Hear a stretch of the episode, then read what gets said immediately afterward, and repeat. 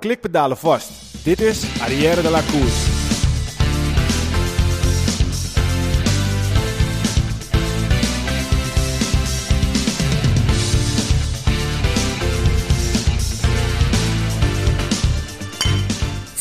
Arrière de la Course wordt mede mogelijk gemaakt door Koerspret. www.koerspret.nl Dames en heren, jongens en meisjes, welkom bij onze podcast over wielrennen Arrière de la Course. De komende podcast gaat over wielrennen, besproken vanuit het oogpunt van drie wielergekken die alles volgen vanaf de bank, dicht voor de tv. Vandaag aflevering 79, ik ben Michiel Beemster. Hey, en uh, Wilco, normaal gesproken beginnen we altijd met de vraag, hebben we nog gefietst dit weekend? Zeker maar en of we dat we gefietst hebben. We hebben echt een fantastische clinic Zo, gehad. ik ben, een, ik ben een beetje verliefd geworden dit weekend. Ja, jij bent echt verliefd geworden op het mountainbiken. Ja, nee, Ik, ben, ik, ik, ik snap ook niet, want ik heb het in het verleden best wel vaak gedaan. In eh Bergen altijd, de Schorel parcours. En op een gegeven moment eh, heb ik zelfs een fiets gekocht. En op het moment dat ik die fiets gekocht heb, heb ik nooit meer ge, gebouwd erbij. Nee. Dus die fiets is op een gegeven moment ook eh, voor eh 50 euro is die, is die verkocht. Ja. Met pijn in mijn hart. En eh, toen heb ik het eigenlijk dus, ik heb het nooit meer gedaan. En nu eh, kwam het dus zo eh, dat, Ja. dat mij een clinic werd aangeboden, op mountainbike clinic Ja. van Jeroen van Eck. En ik was natuurlijk al heel enthousiast. Dat vertelde ik jullie natuurlijk heel vaak. Ja, het is zo vet, jongen. Mountainbiken Ja. in de natuur. Je helemaal laten gaan. En ja, nu mocht je mee. Dat, dat, ja, dan gingen we z'n tweeën in de clinic. Ja, ik, echt, ik, vond het echt, ik vond het echt mega. Dus ja, ik heb vandaag al meteen een beetje het internet afge- afgestuurd om toch te kijken. Nou, misschien moet ik toch maar weer een mountainbike gaan Maar het is, het is misschien ook wel leuk om te vertellen dat we een clinic hebben gehad van eh, Jeroen van Eck. Ja, ja, ja. En eh, dat kan ik echt iedereen aanraden. Hij Ja. nam zoveel tijd voor ons. Hij legde het zo goed uit. En we hebben zo'n toffe, toffe rit Ja, maar dan gemaakt. moeten we dat toch nogmaals even een beetje verder uitleggen. Want Jeroen van Eck is dus echt niet zomaar iemand. Dat is dus eh, de Europees kampioen MTB Eliminator. Ja. Eh, en eh, ja, wat is dat? Nou, dat weten we eigenlijk nog steeds niet. Want eh, we hebben gisteren gewoon echt de clinic gehad in de bos op de single track. Dus we gaan nog een keertje bij hem terug podcast, voor een podcast. eh, die komt er nog aan. Ja, maar hij doet dus een, eigenlijk een, een discipline van het mountainbiken wat eh, eh, anders is dan wat Mathieu van der Poel doet. En, eh, en, en ook niet, het is niet heel lang. Ze gaan met meerdere mountainbikers tegelijk starten en dan doen ze een kort parcoursje. Ja. Maar hij vertelt dus ook, we hebben het er wel eens over gehad. Eh, en ik kijk meteen Peter even aan. Weet je nog dat Tom, Pi- Tom Pitcock toen het eh, ehm, eh, wereldkampioen e-bike werd? Ja, klopt. En toen hadden we zo iets over, ja, wereldkampioen e-bike, wat is het nou precies? En waar, hoe werkt dat dan? Want eh, eh, je hebt gewoon een mootje in je fiets. Maar hij heeft dus ook daar in dezelfde wereldbeker mee gedaan. Waar Pitcock een wereldbeker won, werd hij bijvoorbeeld derde. En hij had een gemiddelde hartslag van 184. Ja, maar je moet even wel gas geven. Ja, maar, Ja. maar dat, ik was echt eh flabbergasted. Wat dacht jij dan ik. dat dat was? Ja, op maar- een stadfietsen? Nee, natuurlijk Nee, niet. Maar het was wel Het is- meer zo... Ik, ik, rij, ik rij wel veel eh, door de bossen en je, en je komt ze echt veel tegen. En dan zie je ze heel, alsof ze in slow motion fietsen. Ze Ja, rijden precies. heel rustig. En dan denk je wel eens, ja, die gast rijdt op een IMTB en dan, dan heb je toch een lol in. Je, doet, je moet helemaal niks doen. Je bent een beetje aan het meetrappen en je gaat hard. En, en, en je pakt die, die, die trail, pak je dan. Ja, maar het is ondersteuning. Heb jij wel eens op een elektrische fiets naar de supermarkt Nee, maar ik, ik, heb, ik, ik, heb, ik heb iets tegen elektrische fiets. Ik ga niet op elektrische fiets tot ik eh, bijna dood ga. Die staat. Die staat. Nee, dat kan niet ik snel doodgaan. hè. Nee, maar goed, om eventjes een lang verhaal kort te maken. Het was echt eh, Jeroen van Eck. Het is geen sponsoring. Het was gewoon mega, Ja. mega eh, leuk. En eh, ook gewoon, hij vertelde ook gewoon... En doet Toffe gast slim. ook. Echt Ja, maar hij zegt ook gewoon, ja, ik geef clinics. Maar ik geef alleen maar clinics aan mensen die wel gewoon goede conditie hebben. En, en, en een... Die talent ja, hebben. die- die- die- ja, nou, Ja. zei hij dat? Ja, dat dat heb je er zei zelf bij maar, maar die ook gewoon als het ware vaker fietsen. En daardoor eh, ja, gewoon eh, wat makkelijk kunnen doen. We gingen echt er wat dieper op in. Dus nogmaals, hartstikke leuk. Jeroen van Eck, we komen nog een keer terug. Nogmaals bedankt. Ja. Maar eigenlijk moeten we jou als eerste feliciteren, Peter. ja, dankjewel. Want je ziet er toch nog verdomd fit uit voor iemand die eh, een week lang niet geslapen heeft. Nee, nou ja, ik ben deze week voor de tweede keer vader geworden. Dus eh, ja, ik, eh, ik heb een hele leuke week achter de rug. En eh hij de Mees en Koning. Dus eh, ja, op, misschien wel een opvolger. Maar eh, ja, hij doet het goed en hij groeit goed en slaat sprinter, goed. wat is het? Nou, dat weet ik nog niet. hij is wel, Volgens mij hij is wel heel druk. sprintje. Sepp is meer een, eh, meer een, eh, een grote ronde rennen volgens mij. En, Kan je Nou, dat nog ah, niet aan de ah, beentjes zien? Dikke bovenbeentjes. Als hij sprinten face heb, heb je het van zijn moeder. Maar, Oh ja? eh, ja, die is baansprinter op de ijs. ah, oké. Dus eh, ja, dat het zou kunnen. Oké.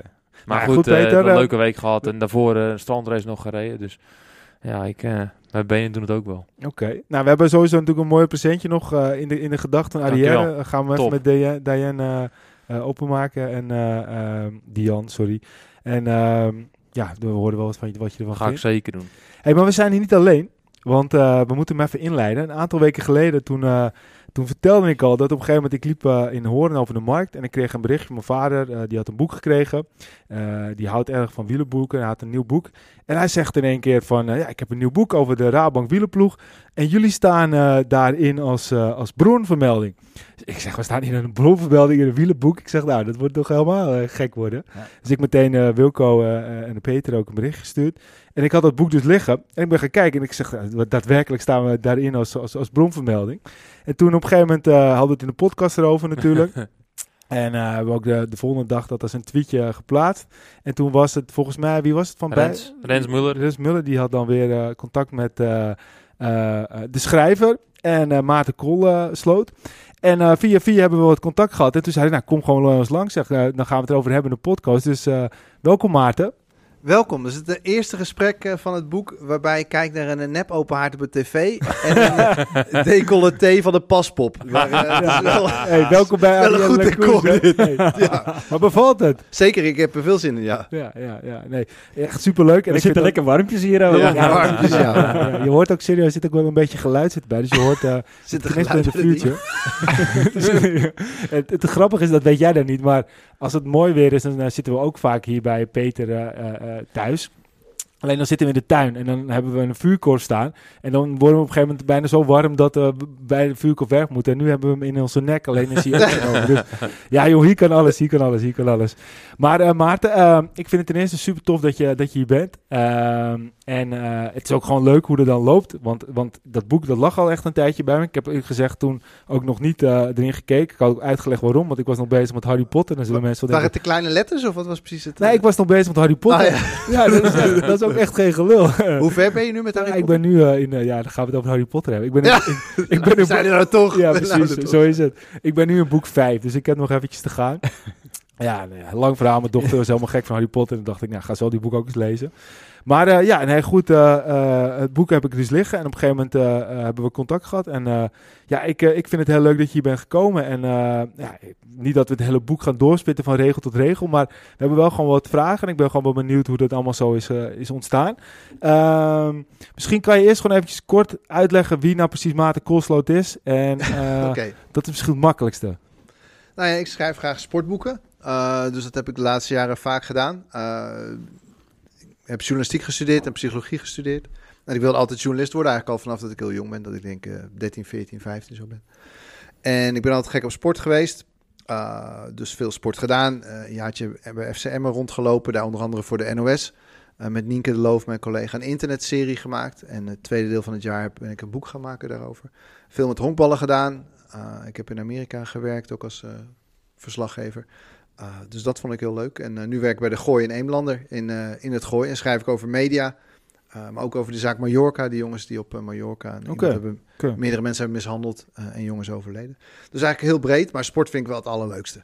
Dat is mijn, uh, mijn jeugdliefde en uh, het, het, mooiste om over te schrijven wat mij betreft. En, en, en op een gegeven moment, je hebt nu dus, dus, dus onder andere dus, uh, boek over Emmen geschreven, het boek over de, de Raboploeg. Donald Trump is niet gek, vergeten we nog trouwens. Het was nu precies een jaar geleden dat we een theatertour hadden en een boek met die titel. Ook een theatertour ook echt? Ja. Oké, okay, okay. Want je bent ook echt correspondent geweest in Amerika voor twee jaar, zag ja. ik. Ja. En, waar zat je dan precies in Amerika? In Washington. Dus ik was een freelancer, dus ik schreef onder andere voor het, voor het ANP, die ook mijn visum ja, hadden, mede hadden geregeld. Zeg maar. ja, ja.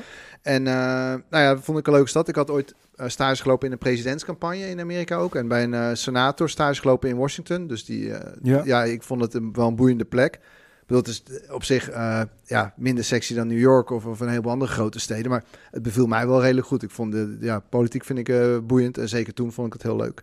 en het was gewoon nu niet meer? Huh? Nu niet meer?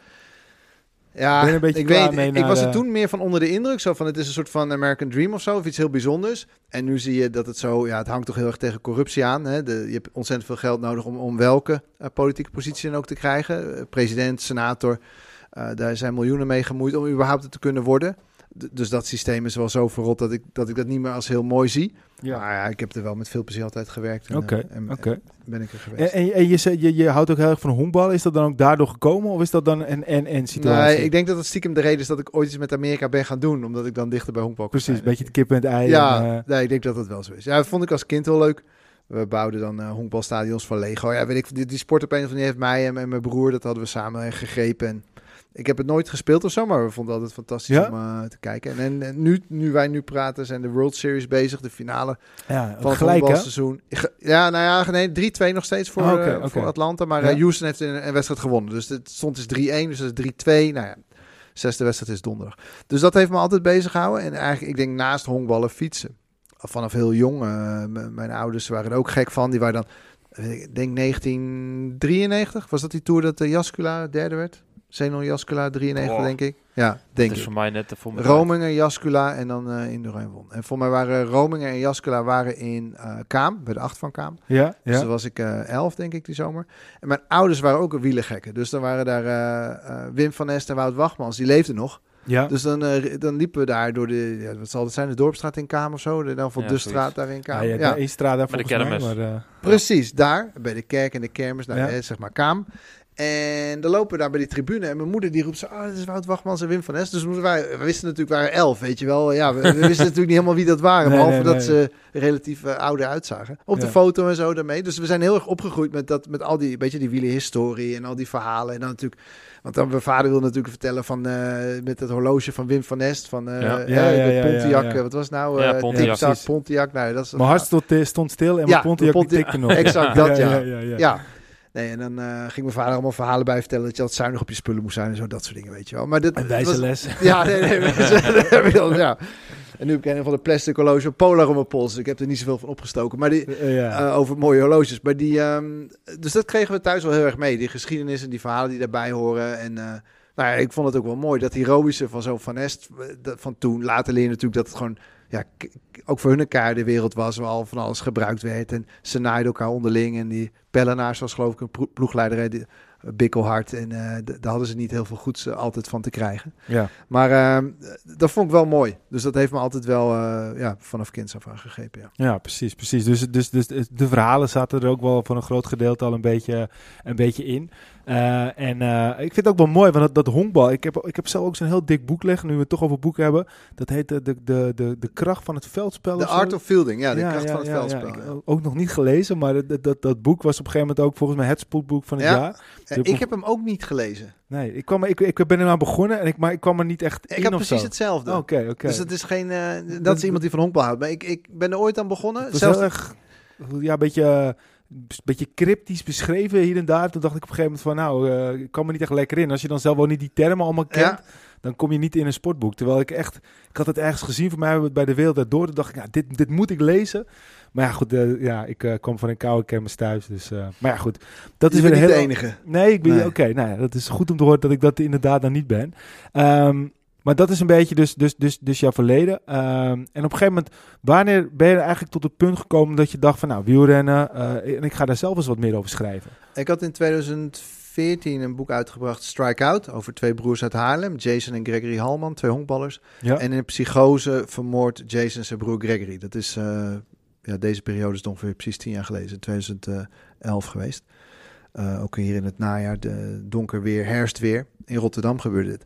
En ik had dat boek gemaakt en dat kwam uit. En ah, toen kwam een collega van mijn vriendin, die eh, bij de mijn vriendin werkt bij de NOS. En, en haar collega dan eh, vanzelfsprekend ook. Dus die, die, die zei tegen haar van, voor mij heb ik een idee voor Maarten, wat hij eh, kan gaan doen of eh, weet ik veel wat. En eh, Hugo van de Parre, die ook eh, ja, echt de bedenker is van dit boek. Dus we, zaten, we gingen lunchen en eh, hij zei, nou ja, hij had wat ideeën. De, de andere ben ik vergeten. Maar eentje was, de Rabobank heeft geen biografie. Toen zei ik, nou, dat klopt. Eh, ja, en dat was eigenlijk een beetje het einde van het gesprek. Want ik had wel door dat dat, wel, dat idee wel klopt. Alleen het was zeg maar 2000, eh, ja, ik denk dat het in 2015 of zo is geweest, zoiets. 2015, ja. En ehm, nou ja, ja, nou ja, toen zei ik, ja Hugo, dat klopt. Ja, nou ja, laten we dat gaan doen. En van dat laten we dat gaan doen heb ik wel spijt gehad, moet ik zeggen. Omdat, spijt. ja, in toen. Ja, nu vandaag niet. Vandaag vind ik het wel hartstikke leuk. Ik bedoel, Ja, nu, ja, eh, ja, ja. uh, ja, dus het is ook super tof. Mijn boek is nu een paar maanden uit en ik kan er met jullie nog leuk over praten. Dus dat is alleen maar fantastisch. ja. Alleen die jaren na 2015, die vond ik niet zo gaaf als het gaat om dit eh, project. Omdat ik realiseerde me wel van het is er niet. En ik realiseerde me ook hoe je het dan moest doen. Want er is natuurlijk al best wel veel gemaakt. Hè? De, alle eh, Thomas Dekker, Bogert. Ja, zeker. heeft wel drie of vier boeken gemaakt, geloof ik zelfs. Hij. Ja, klopt. Eh, Dekker inmiddels ook al twee. Uh, dat is ook wel Ja. knap, twee autobiografieën op je 738ste. ik, vind het, ik vind het wel redelijk uniek, weet Ja, je wel. ja, zeker, zeker. En ik geloof in, in de, dat ik hem vorig jaar nog een keer ergens hoorde zeggen dat hij overwogen om een derde boek te maken. Oké. nou, ja, dat is wel knap. Het zal denk- meer een, een boek over een lay-down leven worden, denk ik. eh, dan. Ja. Ja, ik weet niet. Ja, ik, ik bedoel, ik denk dat je over mij misschien eh, twintig pagina's komt en dan val je in slaap. Hij, ja, hij heeft drie ja. boeken in zich. Ja, ik- Ja, eh, ja. Er zijn al echt heel veel verhalen en, en meningen en, en, en dat, dat, bestaat er inderdaad al. Ja. Ja, dus dat is er veel. En dan dacht ik van, nou ja, als je dan iets nieuws moet bieden of iets extra's of iets wat daar dan, nou ja, dan moet je heel veel mensen spreken en eh, heel ver gaan en zo. Nou ja, en dat kost tijd en geld en, en tegenwerking. Want niet iedereen vindt het leuk natuurlijk. Want dat, ja, zeker die, hè, de 2007, die periode, komen vast erover. Dat is natuurlijk voor heel veel mensen heel pijnlijk. Ja. En Rasmus in de gele trui uit de Tour. Dus het is eigenlijk een heel moeizame zoektocht geweest. Eigenlijk het eerste wat ik deed, van ik kende denk ik eh, anderhalve wielrenner. Eh, de ene was Danny Nelis, de andere Jeroen Blijlevens. Althans, daar had ik ooit een keer mee Alpe d'Huez uh, Alpe d'Huez op gefietst met de d'Huez. Ja, ja. Dus uh, nou ja, de Blijlevens die reden niet bij Rabobank. Dus dat vond ik niet meteen de, de beste om... Uh, die heb ik overigens later wel gebeld. En een paar goede anekdotes. Want die is ooit wel eens benaderd dan voor Rabobank. Ja. Dus dat was leuk. Maar ik dacht, Danny Nelissen die praat altijd over wielrennen. En die wil vast wel. Maar die had geen zin. Dus dat was jammer. Toen was ik door mijn enige bron heen, zeg maar. Dus dat Die was had ook wel een eh, beetje wat naar gevoelde volgens mij. eh. Ja, ja, ja. ja, dat, Ja, die was waarschijnlijk bang voor de waarheid. En, Ja. Ja, dat zat ook wel in het boek. Dat, ja, inderdaad. nou ja, dat lees je... Ja, helaas, Danny. Je leest dat ook wel terug. Maar ehm, dus, dus ja, dat was niet echt een lekker begin. En ja, dat heeft wel lang, het heeft wel een paar jaar geduurd eer ik een beetje vaart in eh, kreeg. Ja, dat is eigenlijk het, het, het simpele antwoord. Ja, precies. Want ik, eh, ik was eh, net toen ik hierheen reed, eh, dacht ik even, nou kijk, ik vind dat wel interessant te weten wat eh, onze gast allemaal heeft gedaan. En ik eh, luisterde een podcast met jou bij Kink, Ja, eh volgens mij van juli dit jaar. Ja. En toen vertelde je eigenlijk, en dat, ik vond het, vond het best wel treffend, want ik heb het zelf ook altijd zo ervaren, eh, dat de Rabobank eh, ploeg kwam. En toen kwam het ook een stukje over Michael Bogert, ja, dat je daar best wel tegen opkeek. ja, enorm. En ik had echt gewoon als, als sportheld vroeger, en misschien Wilco ook wel, dan was, als, als mensen mij zouden vragen wie is, jouw, wie is jouw sportheld, dan was dat Michael Bogert. En, eh, en dat is ook wel misschien het, het, het grappige waarom ik echt leuk vind dat je hier bent. Want die Rabankploeg heb ik vorige ook in de podcast al verteld voor de mensen die dat nu voor de tweede keer horen. maar het is echt een beetje met mij meegegroeid. Mijn moeder werkte bij de Rabobank. Op een gegeven moment werd het een beetje bekend dat de Rabobank een wielenploeg zou, zou, zou komen. Nou, op een gegeven moment was dat er. Op een gegeven moment won natuurlijk Bogert die etappe. En het is de hele tijd zo'n beetje met het meegegroeid. En, en toen in 2017 was ik, waar Wilco bij was, Peter niet, waren wij in Frankrijk zelf. En toen eh, zaten we op een camping in Arches-les-Fumer. En elke dag gingen we wielrennen kijken voor eh, de Voor televisie Rasmussen. daar.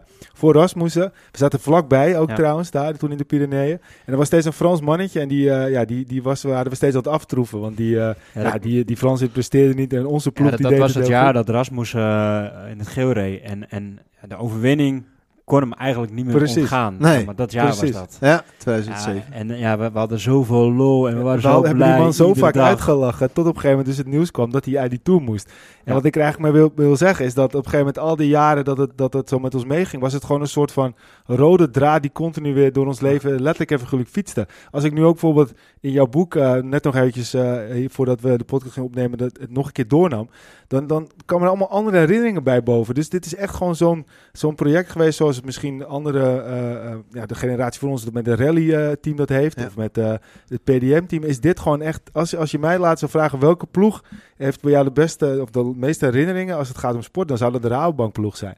En dat vond ik daarom ook nog weer zo bijzonder dat wij daar als eh, bronvermeldingen werden genoemd. En dat maakte wel weer heel veel dingen wat het bij elkaar bracht. En ehm, wat, ik, wat ik dan ook een beetje, want net, net zei je al van, nou, zo ben ik begonnen, maar je had dus echt totaal geen binding met het wielrennen. Of had je wel echt een bepaalde binding ook? Ja, ik vond het heel leuk. Dus ik heb altijd, ik ging als student eh, ook eh, naar de Ronde van Vlaanderen en daar zoveel mogelijk eh onderwegs eh, bekijken en zo. Dus dat deed ik wel. En dat deden we in mijn jeugd ook. We, WK in 98 zijn we geweest. We gingen naar allerlei wedstrijden als gezin ook. Dus dat wel. Alleen met de sport als in beoefenen, nee. Want Ik heb echt nul talent om te fietsen. Eh, en als journalist had ik daar ook niet veel mee gedaan, weet je wel. Ik had wel eens, was wel eens wielrenners tegengekomen, maar ik had daar niet een netwerk in of zo. Of Ja, geen- precies. uh, dus, dus dat werd in het begin ook wel gezegd van ja, dan lukt het je niet, want het is toch een gesloten wereld. Nou ja, je, je kent al die termen wel.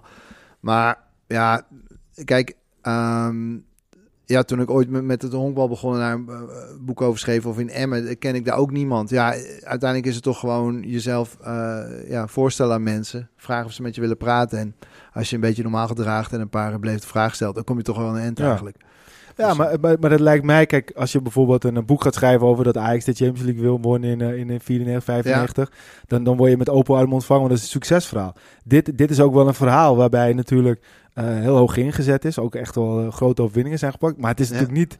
Ja, 2007 is natuurlijk heel eh, smet op het, eh, op het vraag, maar het is ook niet zo heel lekker geëindigd. Dus met, hoe begin je dan met zoiets? Want, want ik krijg juist een beetje, wil iemand daar echt nog wel veel over praten? Ja, nou ja, ja, zeg het maar. Ja, je, je hebt natuurlijk ook te maken natuurlijk met het feit dat er heel veel al wel bekend was, maar Ja. dat er heel veel ook nog niet bekend is, of misschien ook nooit gaat komen, of dat het er ook helemaal niet is. Maar dat er nog een heel groot vraagteken hangt. En Ja. ja, die zal er altijd nog wel blijven. Maar Ja, dat, dat maakt het natuurlijk ook misschien wel leuk en interessant. Ja, nee, je weet, je weet nooit alles. Dus er zullen ook na mij nog dingen over Rabo gepubliceerd worden die ik niet wist of, of wij niet weten hier. En, en dat is ook prima. Eh, dat moet je ook wel, ah, ja, dat is gewoon zo.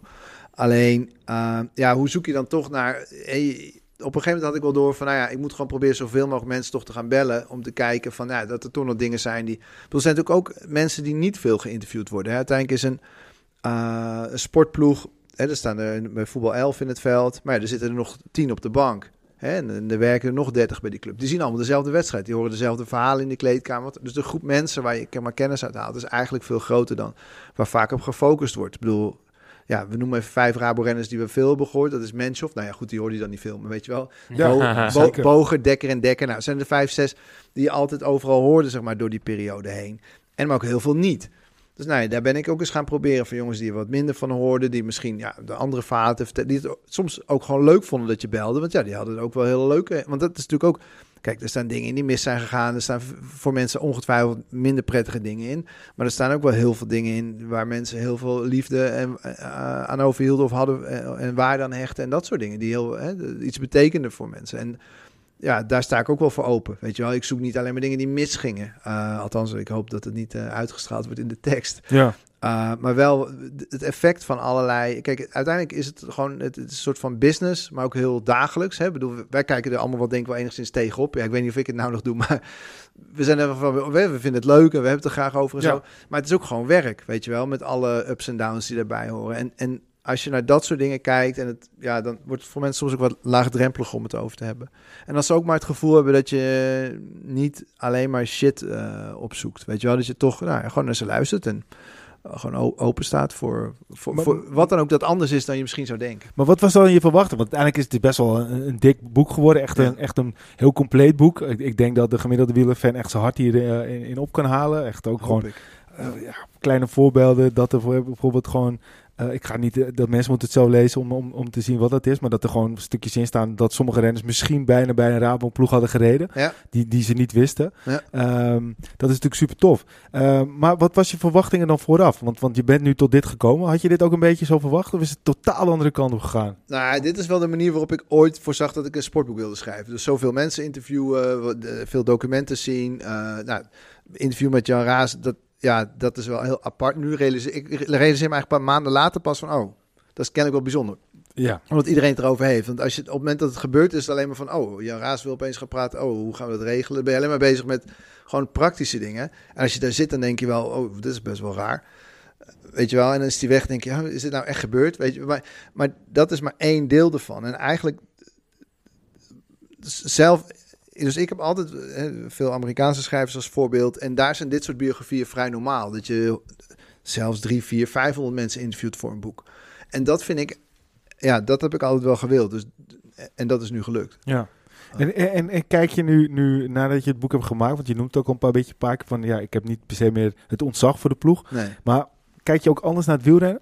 Ja. Ja? Ja, ik moet wel echt eh, een knop omzetten. Ja? Ja. Vind je het, vind je het zo, wat zoals wij zijn, echt, ja, gewoon lyrisch over het fietsen als in de sport zelf. Peter heeft er lang in gebied verkeerd. Maar, maar kijk jij er nu anders naar, naar het boek? Nou, ik wil, kijk, ik wil naar het WK in België. Ik wil, tenminste, ik wilde erheen, maar door, door allerlei dingen, werk thuis en kleine kinderen. Ik weet precies waar Peter doorheen gaat. Het, het komt allemaal goed. Het komt eigenlijk allemaal goed. Maar ik wil er heel, ik vind het fantastisch, weet je wel. En ik wil ook nu wel, ik ga echt wel voor die tv zitten. Voor ja, allerlei, weet ik veel, ideeën of negatieve gedachten die ik soms heb over de sport nu.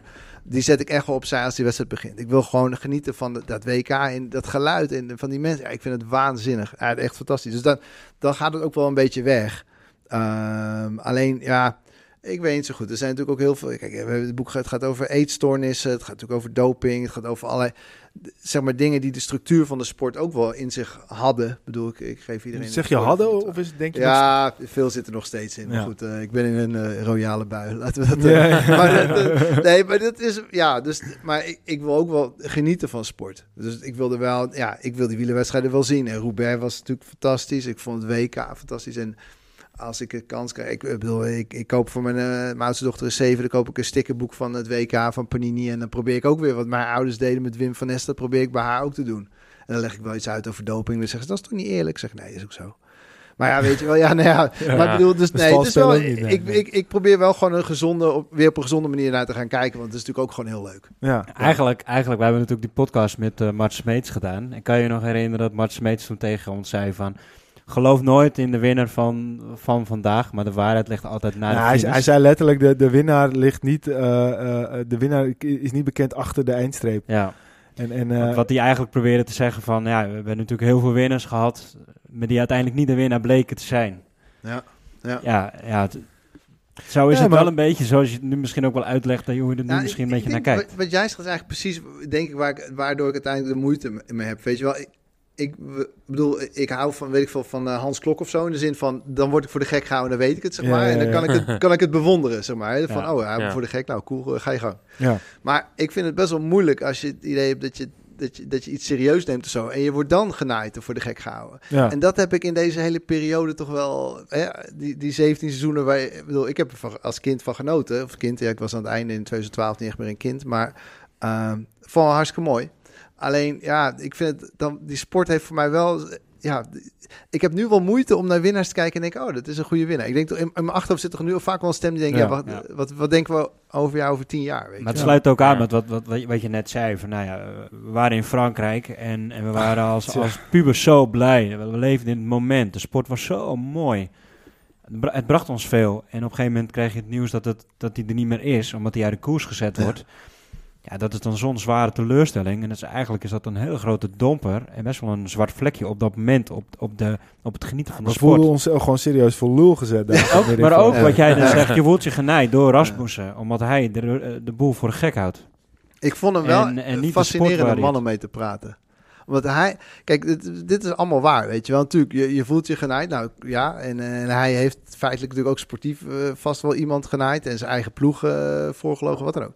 Maar hij deed wel alles wat op dat moment nodig was om te winnen. Ja. Ik bedoel, ja, hij, hij deed wat veel concurrenten natuurlijk ook deden. En hij deed het ook nog eens heel goed. Want hij had allemaal... eh, nou ja, hij trainde als... Nou ja, goed, weet er alles over. Dan hoef je niet, ja. niet te herhalen waarom Rasmussen was wie die was. Ja. Maar als hij er nu over praat, dan is dat wel heel straightforward. En dat vind ik wel fijn, weet je wel. Ik bedoel, hij is toch... Ja, je hoeft, ik denk af en toe wel, wat, wat zeg je nou dan? Maar het is eh, wel recht voor zijn raap. Hij lijkt toch het meeste wel te vertellen. Hij zegt ook dingen waar andere mensen heel boos om worden. Want eh, die het toch steeds heel naar vinden dat hij dan eh, iets wat op de waarheid lijkt vertelt. Ja. Maar ja, ja hij, hij hoeft er niet omheen te lullen. Ja, hij wordt tegenwoordig ook wel weer gewaardeerd omdat hij juist zo straight to the point Ja. is. Want hij heeft best wel scherpe analyses die ook vaak uitkomen. Ja.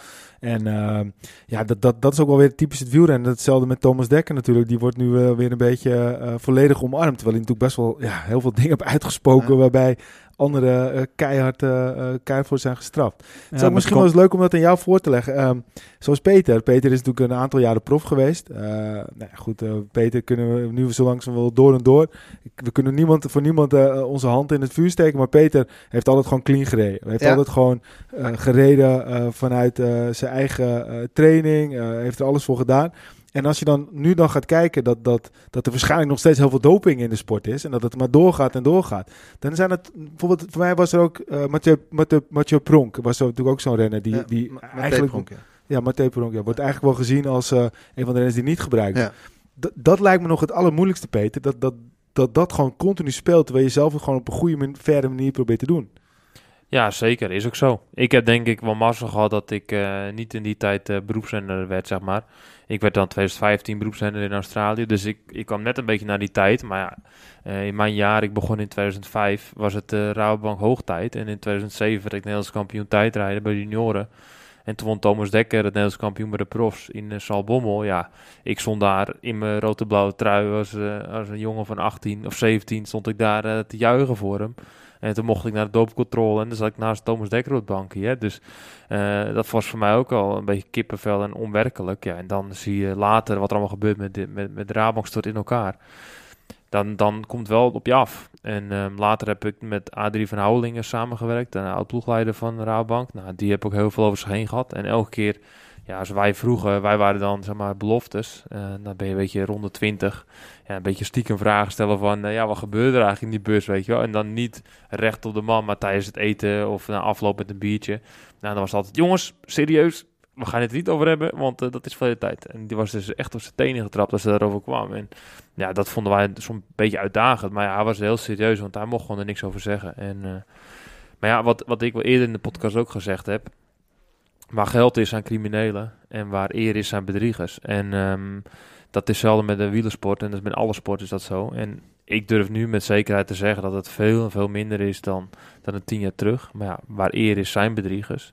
En, ehm, maar als je de vraag percentage is lastig in te schatten, maar het is veel en veel en veel minder dan tien jaar terug. Veel fout. Ja. Want het is zoveel strenger. En kijk, in die tijd van Rabobank, er was gewoon heel simpele dingen. Er was geen budget. Er was gewoon een creditcard en eh maak op wat je nodig hebt. En ik weet dat wel met, eh met, met Crane Brown bijvoorbeeld. Die was dan ploegmaat bij Drapak. Ja, en die vertelde ook gewoon, ja, we waren- wonnen een rit in de Giro. En dan waren de grote bazen waren daar. En dan eh, stonden de fles champagne op tafel. En dan ging de een en de ander van de...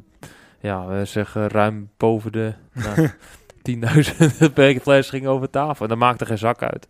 En ehm, ja, dat zijn wel heel leuke dingen ook wat hun beleefd hebben. En als je dan terugvraagt, ja, wat zag jij dan van wat het allemaal was? En die zeggen, ja, of ze houden mond dicht, of ze hebben gewoon gezegd, ja, het was echt wel een heel bijzondere tijd waar wij in zaten. En het was overal zo, want bij Kerelsteiner was het minstens zo slecht. Dus Ja. ja, zo, zo zijn die antwoorden dan van die jongens in die tijd. Herken je Mag dan in dat soort, eh, zo'n zo'n verhaal van Zeker. Graham Brown? Die ik dan, ken eh, daar veel in. Ja, natuurlijk. En ook eh, over andere ploegen. Gerolsteiner is denk ik een heel goed voorbeeld. Waarin, Ja. Eh, Ja, Sonja de Val, ja, maar gaan we een tijdje door. Ja. eh, eh, met, Ja. Ik heb dan, ik ben niet zo'n lezer, hè, dus ik ben niet zo'n boekenlezer, maar de boeken die ik gelezen heb, bijvoorbeeld, wat mij heel erg aansprak, was David Miller. Ja, Eh, dat is een mooi boek. Die is echt wel ook een aanrader. En die, die, die zegt op een gegeven moment ook van, eh, ja, wij waren gewoon eigenlijk in de verkeerde tijd eh, eh, ge- geboren en daar profrenner geworden. En, en die schrijft ook hele dingen die, die raak zijn. Dus een aanrader als je een keer wat, wat dieper in wil lezen. Dat is echt een top, topboek. Ja, gelezen. ja. En ehm, dat is voor een jonge renner ook inspirerend. Hè? Dus ook als ik was toen, denk ik, nou, wanneer kwam het boek uit? Ergens in 2012. denk ja, zo, met, zo maar tien jaar geleden zou het kunnen zijn. Zoiets. Ja. Ja, en toen was ik net eigenlijk opkomend om beroepsrenner te worden. En toch las ik het. En we- voor mij was het super motiverend juist. Terwijl het eigenlijk toch een heel groot ja, doping precies. precies, element precies. in was.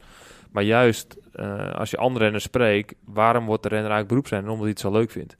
En of je dan Lance Armstrong is die doping gebruikt hebt, of Rasmussen of wat dan ook. Die jongens hebben wel een aanleg gehad voor het fietsen en heel erg leuk gevonden. Ja, ze hebben bedrogen, maar ze konden anders niet winnen in die tijd. Ja. En, Miller daarom- deed het zonder ook nog best wel aardig. Ja, zeker, zeker. Een goede wedstrijd gegeven. Maar Maar goed, ze daarom gebruikt ook bijna allemaal. Hè. Dus, dus het is ook niet zo dat er één valspeler is. Heel veel, ja. Heel Ja. veel valspelers. Ja, we hebben het ook Dus wel met- dat, met dat hem- trekt het de boel wel een, wel een beetje gelijk weer. Maar dat natuurlijk. weten we ook pas nu. Ja. En hetzelfde tot dag van vandaag zijn er ook renners waar we van denken waarvan ze gebruikt hebben, maar nooit bekend hebben. Dus die heb je ook nog. Ja, ja dus het blijft een moeilijke discussie. We hebben het ook wel eens met eh, aan dezezelfde tafel Mr. Pro Cycling Stats ook wel eens over gehad. Van ja, hij heeft natuurlijk superveel uitslagen eh, er gewoon uit eh, moeten Ja. halen. Maar ja, toen heeft hij op een gegeven moment volgens mij eh vorig jaar ook eh, eh, het erover gehad dat hij toen de, de, de top 500 populairste renners. Ja. Nou, als je dan naar de top eh, 20, 30 stonden er best wel veel dopers in, om het zo maar te zeggen. Dus ja, voor het grote publiek maakt het blijkbaar niet zo heel veel meer uit. Dus waarom moeten we niet ook gewoon die uitslagen weer, eh, weer erin houden? Ik heb die originele uitslagen aangehouden voor dit boek. Ja. Gewoon niet zozeer omdat ik het nou moreel heel belangrijk vind of zo, maar anders is het gewoon zoek. Bedoel, Ja, hoe je Ja, maar waar, ga je stoppen? Want je weet het van niemand Nee, ja, is, nee, nee. Er zijn, er zijn wel eens lijstjes dat de eerste 20, eh, de nummer 21 eh, was dan waarschijnlijk degene die Maar niet- kijk, ook omdat je probeert natuurlijk wel dingen weer te geven, ook hoe ze toen... Ik wil natuurlijk niet de geschiedenis herschrijven in de zin van ik, ik, ik doe een saus van 2021 of eh, wanneer ik ook begonnen ben overheen. Ja, Maar ehm, je je wil ook wel gewoon de emotie van toen weergeven. Dan kan je natuurlijk niet net doen alsof eh, ja, Bogert wel zeven keer de Amsterdam Gold. Race heeft gewonnen, Ja. weet je wel. Ja, nee, precies. dat- precies. Nee, in ja. plaats van zeven Kijk, keer jij, jij, hebt, tweede. jij hebt voor het boek natuurlijk heel veel eh, research gedaan. Ook de mensen die je geïnterviewd hebt, heb je waarschijnlijk heel veel eh, research gedaan. Eh, zijn er ook verhalen eh, bij waarvan jij eh, achteraf ook echt denkt van... Wauw, dit was wel, had ik niet verwacht. Het was een, eh, een, ik had wel een verwachting bij een bepaald verhaal, maar Nou, het- het- dus het- ja, er zijn er wel meer, denk ik. Maar twee moet ik aan denken. Dat is een, een, eh, Mark en Ewald de Maar. Hè? Dus Mark de Maar, Ja, de en zijn Ja. vader Ewald. En dan eh, Richard Douglas, of Richard Douglas, maar hij komt uit Engeland. Richard, eh, verzorger bij de amateurploeg. En ehm, nou, Mark, eh, ja, eh, heel eh, aardige, vrolijke kerel die hard kon fietsen. En die, ook iemand waarvan je eigenlijk denkt dat zijn talenten misschien een beetje overviel. In de zin van, nou ja, die kon dat gewoon heel goed en die heeft er ook wel hard voor gewerkt. Maar ook wel een heleboel andere dingen in het leven lol in. Een slimme jongen, Ja.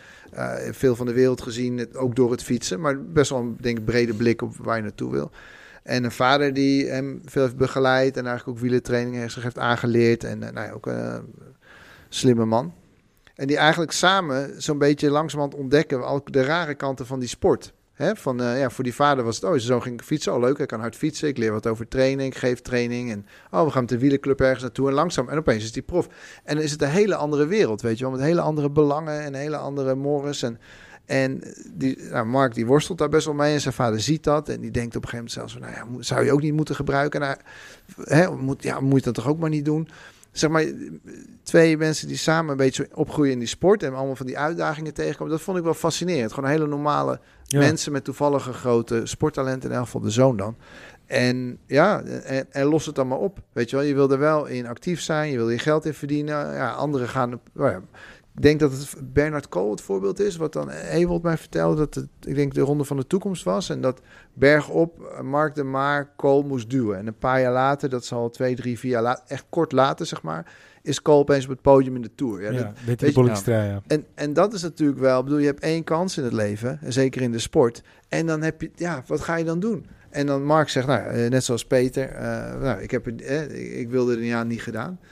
Ja, Nou, ik vind wel, wel eh, even tussen de, wat je, door wat je zegt over dat, dat, dat zijn vader dus eigenlijk eh, tegen hem zegt, moet je er zelf ook niet aan beginnen. Dat ja of hij best nou wel... precies gezegd heeft of gedacht, wil ik even in het midden Nee, laten. dat snap ik, ik. weet niet hoe ik dat Ja, nou heb ja, of, ja. Hoe, ik herinner me dat nu even niet op de woorden precies. Maar in ieder geval dat die gedachte Ja, speelde. precies, Van, ja. zou je dan misschien, weet je wel, zo. En ja, dat kan ik me wel goed voorstellen. Als Ja. vader, want je wil dat je kind het beste behaalt en dan opeens iedereen eh, met, met, Ja. eh, Ja, en het was precies. natuurlijk ook de keuze, of je, gaat of je gaat mee, of je moet hopen dat je Ja. het niveau aan kan.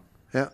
Ja, dat, dat waren denk ik de twee keuzes die je had. En natuurlijk ook het rare dat je dan, want Mark was echt een enorm talent. Hè? Die won eh, in Frankrijk wedstrijden, echte klimwedstrijden bij de jeugd. Die kan echt eh, heel goed fietsen. En dat, want je moet eigenlijk iets gaan verklaren wat je niet kan verklaren. Waarom breek je niet door? Waarom ben jij niet nu vooraan? Je was vroeger altijd zo goed en nu doe je het niet meer. hè?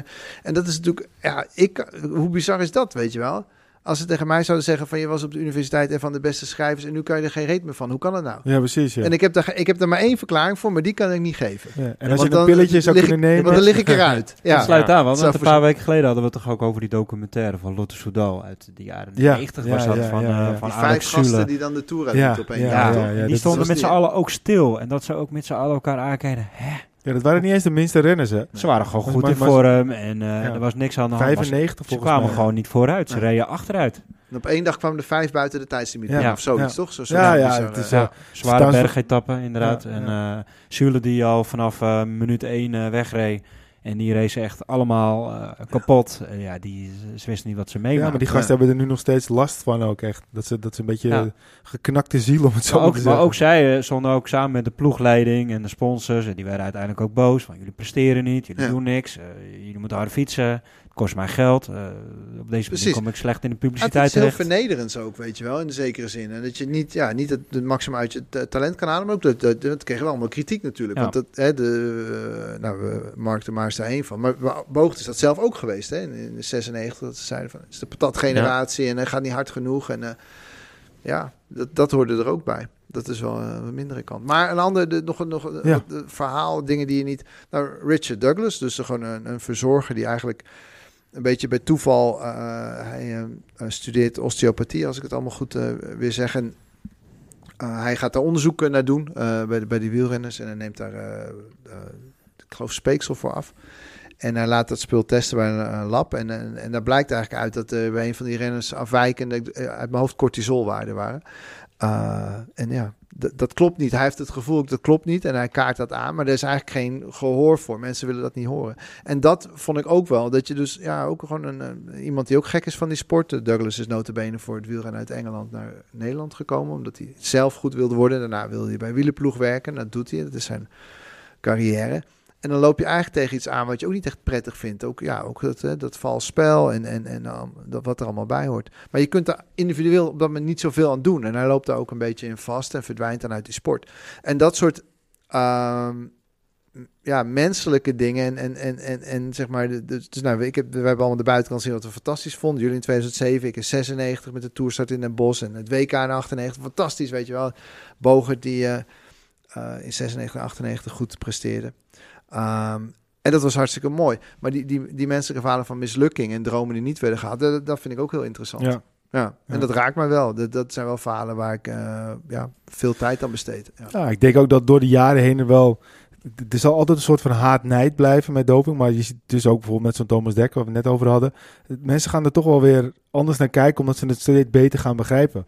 En, en het is ook misschien eh, heel menselijk dat je, als wat jij net zegt, perfecte voor, voorbeeld van: ik ben een schrijver, ik ben altijd misschien een van de betere. En op een gegeven moment kan ik er niks meer van. En er is er een klein pilletje. En als ik die neem, dan ben ik in één keer de beste. Ja, ja, nou ja leg hem maar eens op de tafel neer. En uh, hoeveel mensen zullen hem nemen?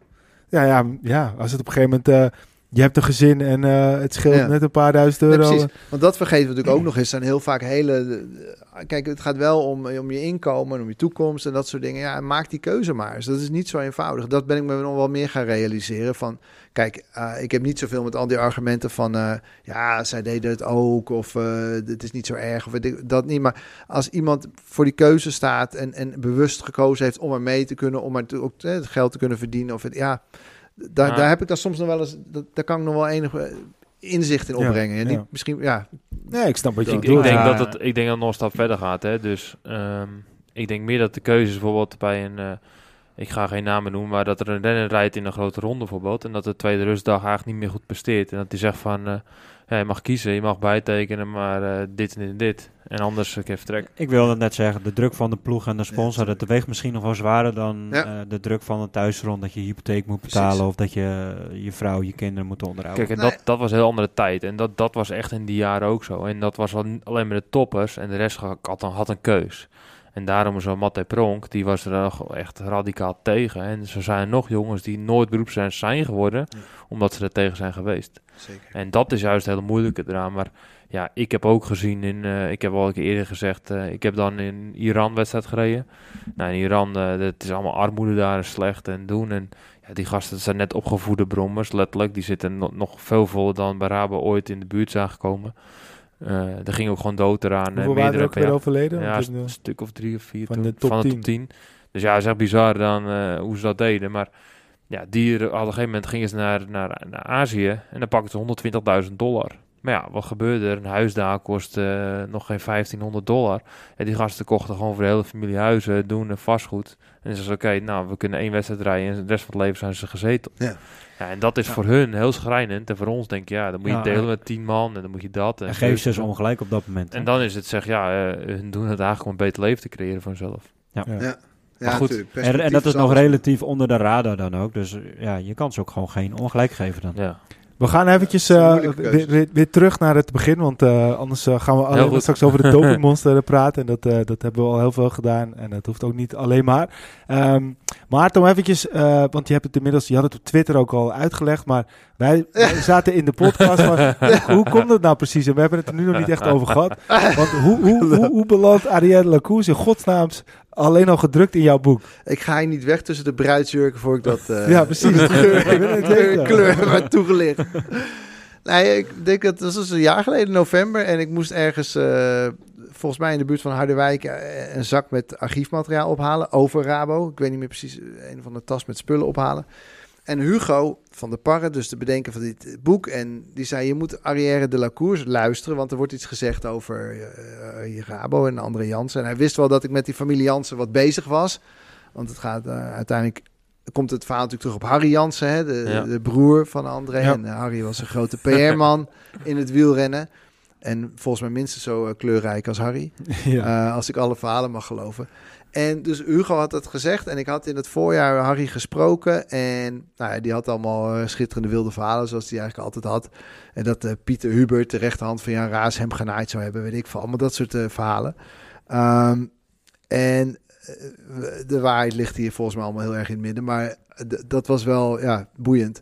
En dus ik ging luisteren en ik hoorde, ik hoorde Harry Jansen vertellen. En ja, waanzinnig. Ten eerste was het leuk, gewoon hij vertelde het heel goed. Maar ik had er wel inmiddels zoveel over uitgezocht dat ik dacht, nou, Harry, ja, dit is wel echt een heel goed verhaal. Maar er is nog wel wat anders. En, maar ik dacht vooral, ja, hm, ik, ja, dat kan ik nou wel denken. Maar ik wil eigenlijk nog wel meer weten. Want ik vond het wel, het wel zo met bravoure gebracht dat ik... Dus ik ben toen een Romek Jansen, dat is zijn... eh, Ik denk dat dat zijn neef is. Dus, eh, Ja, geen, maar ik heb geen idee. Hij, is, hij eh, heeft als ik het goed heb- zoveel namen benoemd. Ja, Ro- Romek is... eh, Dus die heb ik benaderd. Nou, die had ook... De Romek was destijds heel jong en ook, had ook eens met marketing in zeg maar 95, 96 en wat meegeschreven aan een van die plannen. Dus het verhaal werd daardoor wel veel rijker. Dus het was wel, ik, ja, ik denk dat ik er wel iets anders naar kijk dan hoe, hoe, hoe het toen werd verteld door André. Maar het heeft me wel gemotiveerd om wat mee te doen. Om nog meer mee te doen dan ik al had gedaan. En ik vind dan altijd wel van, nou ja, dat kan je natuurlijk, dat gebeurt in de journalistiek helaas ook meer dan genoeg. Dat je denkt, oh ja, dankjewel voor de inspiratie. Ik zoek het zelf uit en dikke middelvinger. Ja. Jullie horen nooit meer wat van mij. Maar dat vind ik, dat vind ik echt een naaiactie. Dus ik vind dan wel, als je dan ergens door... Hey, je hebt iets even aan het denken gezet. In dit geval jullie. waarvoor nogmaals hartelijk dank. eh, dan moet je dat wel even benoemen. Dus het was natuurlijk niet zo dat ik eh André echt geciteerd heb uit dat gesprek. Of Nee, dat dat. nee. Dus dan, anders had ik dat natuurlijk daarbij gezet. Maar ik dacht wel, ja, die jongens moeten wel genoemd worden. Want ja, dit heeft mij wel aan het denken gezet. Dus zo, dat vond ik, het, eh, ja, heb ik dat erin gezet. Dan En, is dat, eh, dan is dat Leuk om te horen. Ja. Ja, ja. Ja. ja. vind ik tof om te horen, ja. Dus zo, ja. En eh, ja, dat is ook, wel- ook wel grappig aan André, want dat is ook echt zo'n typisch een man die, die ja, gewoon ja, in het wielrennen echt gigantisch groot netwerk hebben. Heel veel mensen hebben totaal geen idee of hadden geen idee wie, die dat, wie dat is. En dan hoor je al die oude verhalen. Nou, volgens mij kunnen we hem nog wel een keer bellen, want dan eh gooi je er weer een muntje in en dan gaat hij Ja. weer een uur lang los. Nee, maar hij en, en eh, zijn broer Harry, die hebben eh, ja, in de wielersport heel veel gedaan. Ja. En, het, het zijn voor, ik zou ze alle twee nog eens uitnodigen. Ik weet niet of Harry, Harry zit in Portugal geloof ik.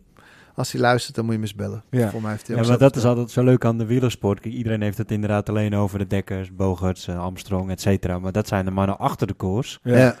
Ja, die maken eigenlijk veel meer mee. En die hebben eigenlijk nog veel mooiere verhalen dan de mannen die in de koers rijden. Ja. Ja. Ja, ze moeten bereid zijn om het allemaal te vertellen. Maar eh, in het geval Ja. van, van André is dat geen probleem, geloof ik. Nee, dat Nee, is zeker geen nee. probleem. Nee. Hey, en wat ik, wat ik, eh, want ik eh, was net, wat ik vertelde, ik was het boek nog even aan het doorbladeren. En, en, en zijn er ook dan dingen die, eh, want je hebt het nu over losse eindjes en je moet toch een beetje de touwtjes aan, elkaar vast kunnen, aan elkaar vast kunnen knopen om het ook daadwerkelijk te kunnen opschrijven. Ja. Ik ga het je toch vragen, zijn er dingen wat, wat heel spectaculair leek, maar wat je niet kon bewijzen? Eh, wat heel spectaculair leek. Nou, wat ik niet bewezen heb, eh, zijn sommige renners waarvan gezegd wordt hij deed het ook, maar die het nog niet gezegd hebben, zeg maar. Ja. Nou ja, daar heb ik geen, eh, die bewijzen heb ik niet gevonden. Eh, zijn ze er niet? Dat durf ik niet met 100% zekerheid te zeggen. Dus, dus dat is iets waarvan ik denk, nou ja, oké, dat niet. Maar we gingen het niet alleen over doping hebben, dus ik zal een paar andere dingen ook noemen. Nee, nee, nee, maar ehm, eentje waar we denken half, nou, waar ik vind dat het gelukt is, maar kijk, eh, je hebt natuurlijk met dit soort dingen ook te maken met dat heel veel mensen ro- roepen van alles. Ik heb heel veel gesprekken gehad dat mensen aan het eind zeggen, ja, weet je, waar jij eens naar zou moeten kijken? Of die bank het niet allemaal geweten heeft. Weet je wel, dacht ik, ja, ouwe reus, lekker dan. Eh, wat moet ik met deze opmerking? Weet je wel, dat is niet zo, zo simpel. Het is niet alsof er bij die bank ergens in een kluis document ligt met het zwartboek voor dopinggebruik. Ja, of, zo naaien we de boel. Of het, zo, dat werkt niet zo. Alleen, eh, ik merkte wel in een aantal gesprekken van... Nou ja, ik had natuurlijk, ik had feitelijk de oneindig de tijd. Dat had ik natuurlijk niet door toen ik het boek schreef. Maar ik had veel tijd. Dus je spreekt wel eens een paar uur met mensen. En dan merk je bij sommigen ook wel in- binnen die bank... dat die na een tijdje toch wel... Ook dat ongemak wel. Van ja, nee, ja, natuurlijk hebben we wel ongeveer begrepen wat er gebeurde, weet je wel omdat, het, omdat niet eens omdat ik dan zo scherpe vragen stelde of zo, maar dat ze gewoon na een tijdje ook wel zo misschien zelf realiseerden van ja, ik ben bovengemiddeld intelligent. Overigens niet ik, hè, die, die man waar ik dan mee sprak. Ja. En, en, en ja, het klinkt nou toch wel heel dom als ik nou ga zeggen: nee, we hebben er nooit eens, we hebben- ik heb er tien jaar bovenop gestaan. Maar ik, dus zo langzamerhand kreeg ik ook binnen die bank wel wat opmerkingen en anekdotes en dingen die ik wel kon dubbelchecken. Waar het toch bleek dat er wel degelijk kennis ontstaat binnen dat bedrijf ook, wat er in die sport gaande is. En dat vond ik eigenlijk wel, daar was ik eigenlijk wel, toch wel blij mee. Dat, het is wel subtiel. Hè? Het, is, het is nogmaals niet een rapport in de la van we wisten dit, dit en dit. En, eh, maar hè, gekoppeld aan de wil om het project gewoon te laten slagen. Dus in, in, de- altijd renners te verdedigen in de communicatie. Hele strategieën die alleen maar gericht waren op hout, gezeik buiten de deur. Het, Rabobank was niet de ethische commissie van het wielrennen. Maar, maar, maar daar is mij wel, denk ik, van geluk wat dingen te laten zien. Ik weet niet zeker of er nog heel veel meer is daarvan. Hè? Er wordt zeg maar eens gezegd van, nou ja, zeker rond 2012... eh, als ze, ze uit de sport verdwijnen, begin oktober. Nou, dat is nu zo'n beetje negen jaar geleden. Ehm, daar zijn nog eh, gekke dingen gebeurd. Zeggen één of twee mensen. Daar heb ik, daar heb ik denk ik niet ontzettend veel nieuws over eh, gevonden. Maar ik sluit niet aan. Het is vaak met geschiedschrijving eh, over 1996 kletsen mensen iets makkelijker dan over 2012. Het is gewoon langer geleden, weet Ja, je wel. Ja. eh, Het op is verjaard. Ja, nee, het is Maar doe je dan bijvoorbeeld op het Belkin-verhaal of dergelijke? Of, eh? Nou, die, die- gewoon in hoe de, eh, hoe de bank afscheid nam die paar dagen, zeg maar. hè. Het, het ging heel snel. In oktober 2012, in een aantal dagen werd het allemaal opgegeven. Ik denk dat je daar ooit nog wel eens meer over kan vertellen, ja. Ja, dat durf ik nu te zeggen. Ik had het een beetje rottiger gevonden om in juni te moeten zeggen als het boek net uit is. Want te zeggen, ja, het is af, maar ik ben er niet klaar, weet je wel. deel 2. Nee, maar het is altijd wel zo dat je nooit... Bedoel, je weet nooit alles. Daar begonnen we denk ik de podcast mee. Dat is gewoon zo. Ja, precies. Uh, dus ik denk dat er uit die periode nog wel eens een paar anecdotes naar boven komen. Van ik denk, ja, dat had ik wel leuk Ja, gevonden. want de ploeg stopte er toen echt abrupt mee. Ja. Alsof, er, alsof er wat gebeurd was. Dat is nooit buiten gekomen inderdaad. Maar Ja. het was best wel heel erg abrupt. Het was niet dat ze maanden van tevoren hadden aangekondigd. Nee, het was heel stoppen. abrupt en, eh, er was ja. toch ook een soort va- vaag eh, verhaal over dat, dat, dat ze zouden nog een paar jaar meebetalen. En eh, dan zo konden ze in eerste instantie op een wijdlabel konden ze door. Ja. Toen werd het eh, volgens mij, hoe, hoe heette het Blanco. toen? Blanco, inderdaad. En toen werd het Belkin. En toen bleek dat ook zo'n wild verhaal. Wat ik niet weet hoe het precies zat, maar dat Belkin nooit betaald heeft. Maar dat Rabank gewoon dat betaalt. Dat Belkin eigenlijk gratis op het shirt heeft gestaan. Ja, hoe dat exact zit, weet ik niet. Maar dat Rabobank in 2013 voor de prof salaris heeft betaald, dat is duidelijk, ja. Ja. En, en, en tot en met 2016 is de opleidingsploeg van Rabobank gewoon gefinancierd door de bank. Die Ja. officieel dan bij Ja, de ja, KNWU, klopt. dat weet Ja. Peter nog beter. Maar Ja. dus, dus dat vind ik ook wel opmerkelijk. Dat die bank is wel een hoop verplichtingen nagekomen. Maar ik denk die periode, uh, maar even wat toen Harold, Harold Knebel, die wilde niet meewerken. Nou, simpel gezegd, die heeft gewoon nog te veel belang in de sport, is mijn analyse. Wat doet hij nu precies? Uh, ja, hij doet verschillende dingen, maar hij begeleidt sommige renners volgens mij financieel. Oh, oké. Hij doet uh, een of ander projectje met een paar renners over een soort van uh, bedrijfs... hoe noem je het? Ja, met dat Rick. Flens, met clinics en zo. Hij doet toch Ja. ook business netwerk. Hij is, maar, Ja. Ja. hoe heet dat? Want hij kwam toch eigenlijk helemaal niet uit de sport vandaan. Hij was toch juist echt wel... Nou, hij was een, uh, moet ik het investment banker noemen? ja, Of Ja, bankier, was Een het. ja. Ja. Ja, ja, zeker. Nee, en hij, dus een succesvolle volle man. Hè, die ook heel veel eh, dingen heeft gedaan voor de wielerploeg die heel belangrijk zijn geweest. Professionaliseringen doorgevoerd, wat dan ook. Maar als hij nog eens veel meer wil vertellen over wat, eh, wat hij heeft gezien, dat zou wel wat toevoegen, ja, denk Ja. ik. Ja, Maar wat ik altijd ook altijd zeg, hè, zonder de Raadbank hadden we de generatie wat nu rondfiets niet Nee, gehad. sowieso niet. En eh, ik maar dat denk zeggen dat, ze ook zelf, hè? dat zeggen ze ook in dit boek. Van, Ja. Dus dat is natuurlijk ook wel van, ja, we hebben nu, eh, natuurlijk doping, ja, helaas het valt. Maar ik, dat vind ik wel, de impact op die sport is echt heel groot geweest. Ja, Want ik ja, ik denk dat ik in ieder niet in de reden vallen, maar de, de ga- ja, dat is zo. ik had er niet gezeten als de Raadbank niet de jeugdronde van Van Huis had gesponsord, Nee. bijvoorbeeld. Nee, en Nou, ik denk dat iedere liefhebber ook wel een Rabo-shirtje heeft thuis hangen. Dus de, binding is er ook wel gekomen door de Rabo, eh, door de Rabo-ploeg. Ja, Nou goed, dat, dat is het enige wat ik mis van Jumbo nu. Hè. Dus hebben we ook eerder over gehad.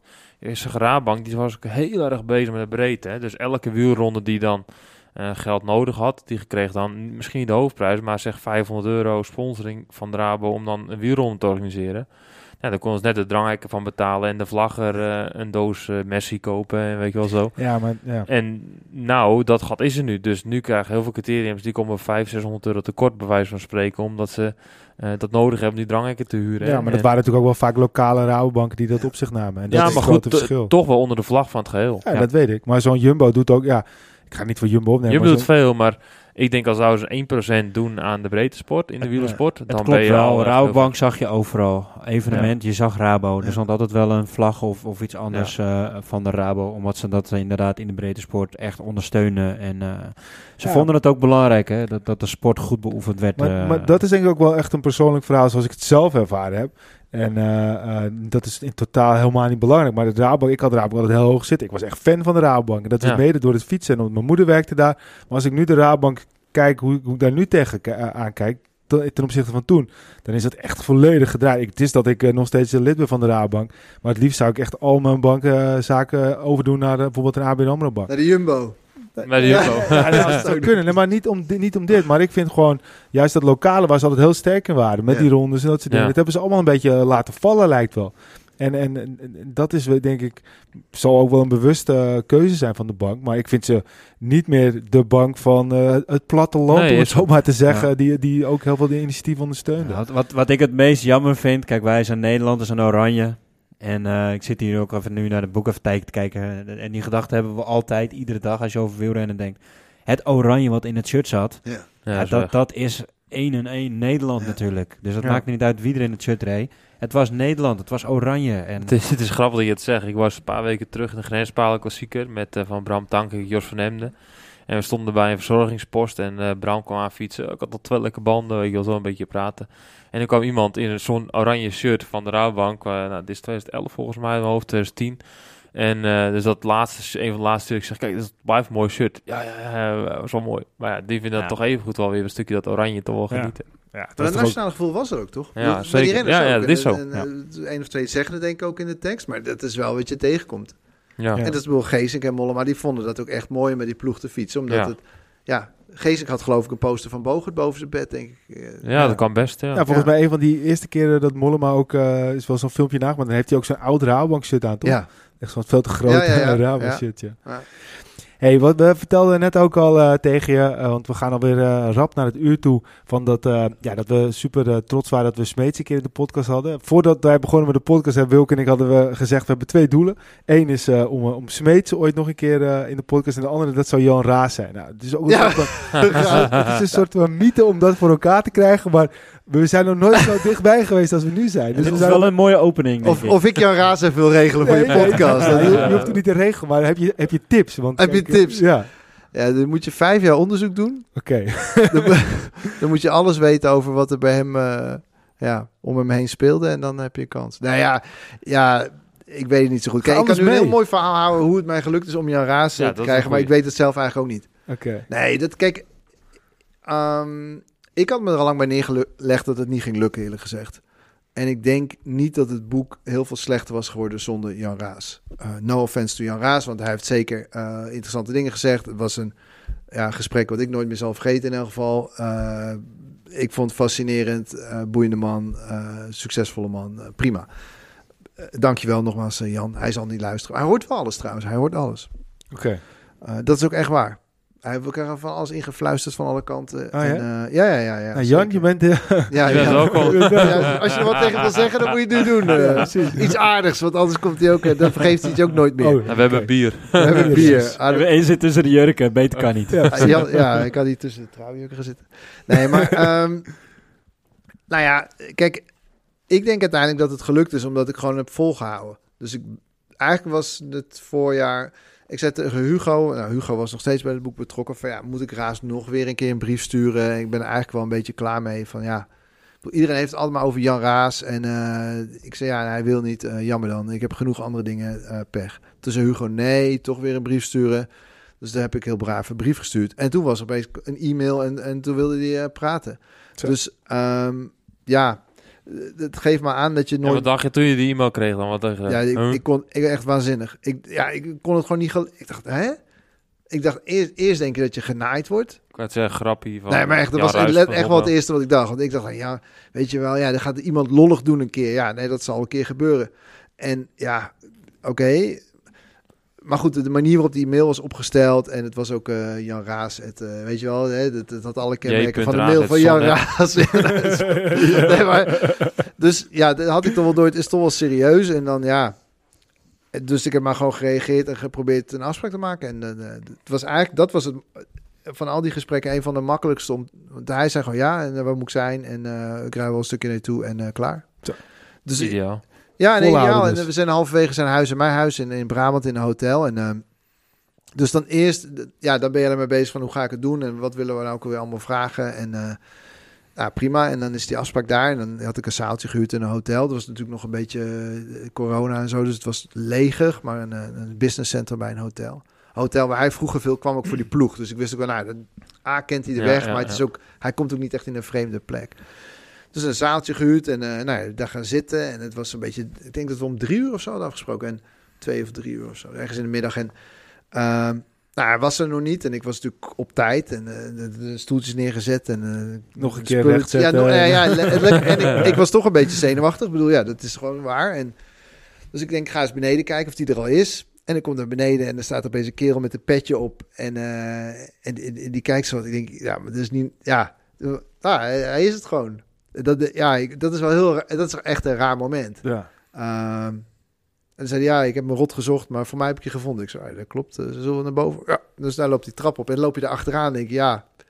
En nou weet je wel, misschien is hij wel heel pissig of heel... ik, ik heb geen flauw idee. Ja. Dus we gingen zitten en ik moest koffie zetten voor hem. Wilde Koffie, ja, zwarte koffie. Nou, eh, zetten. Maar het koffiezetapparaat was heel traag. Dus dat duurde echt gewoon, echt zo'n pisstraaltje, weet je wel. Dat duurde eeuwig. En hij zat daar maar gewoon stil te zitten. Dus ik dacht, wat gaat hij doen? Weet je, gaat hij gooien met de koffie? Gaat hij, wat, gaat, wat gaat er nou gebeuren, weet je wel?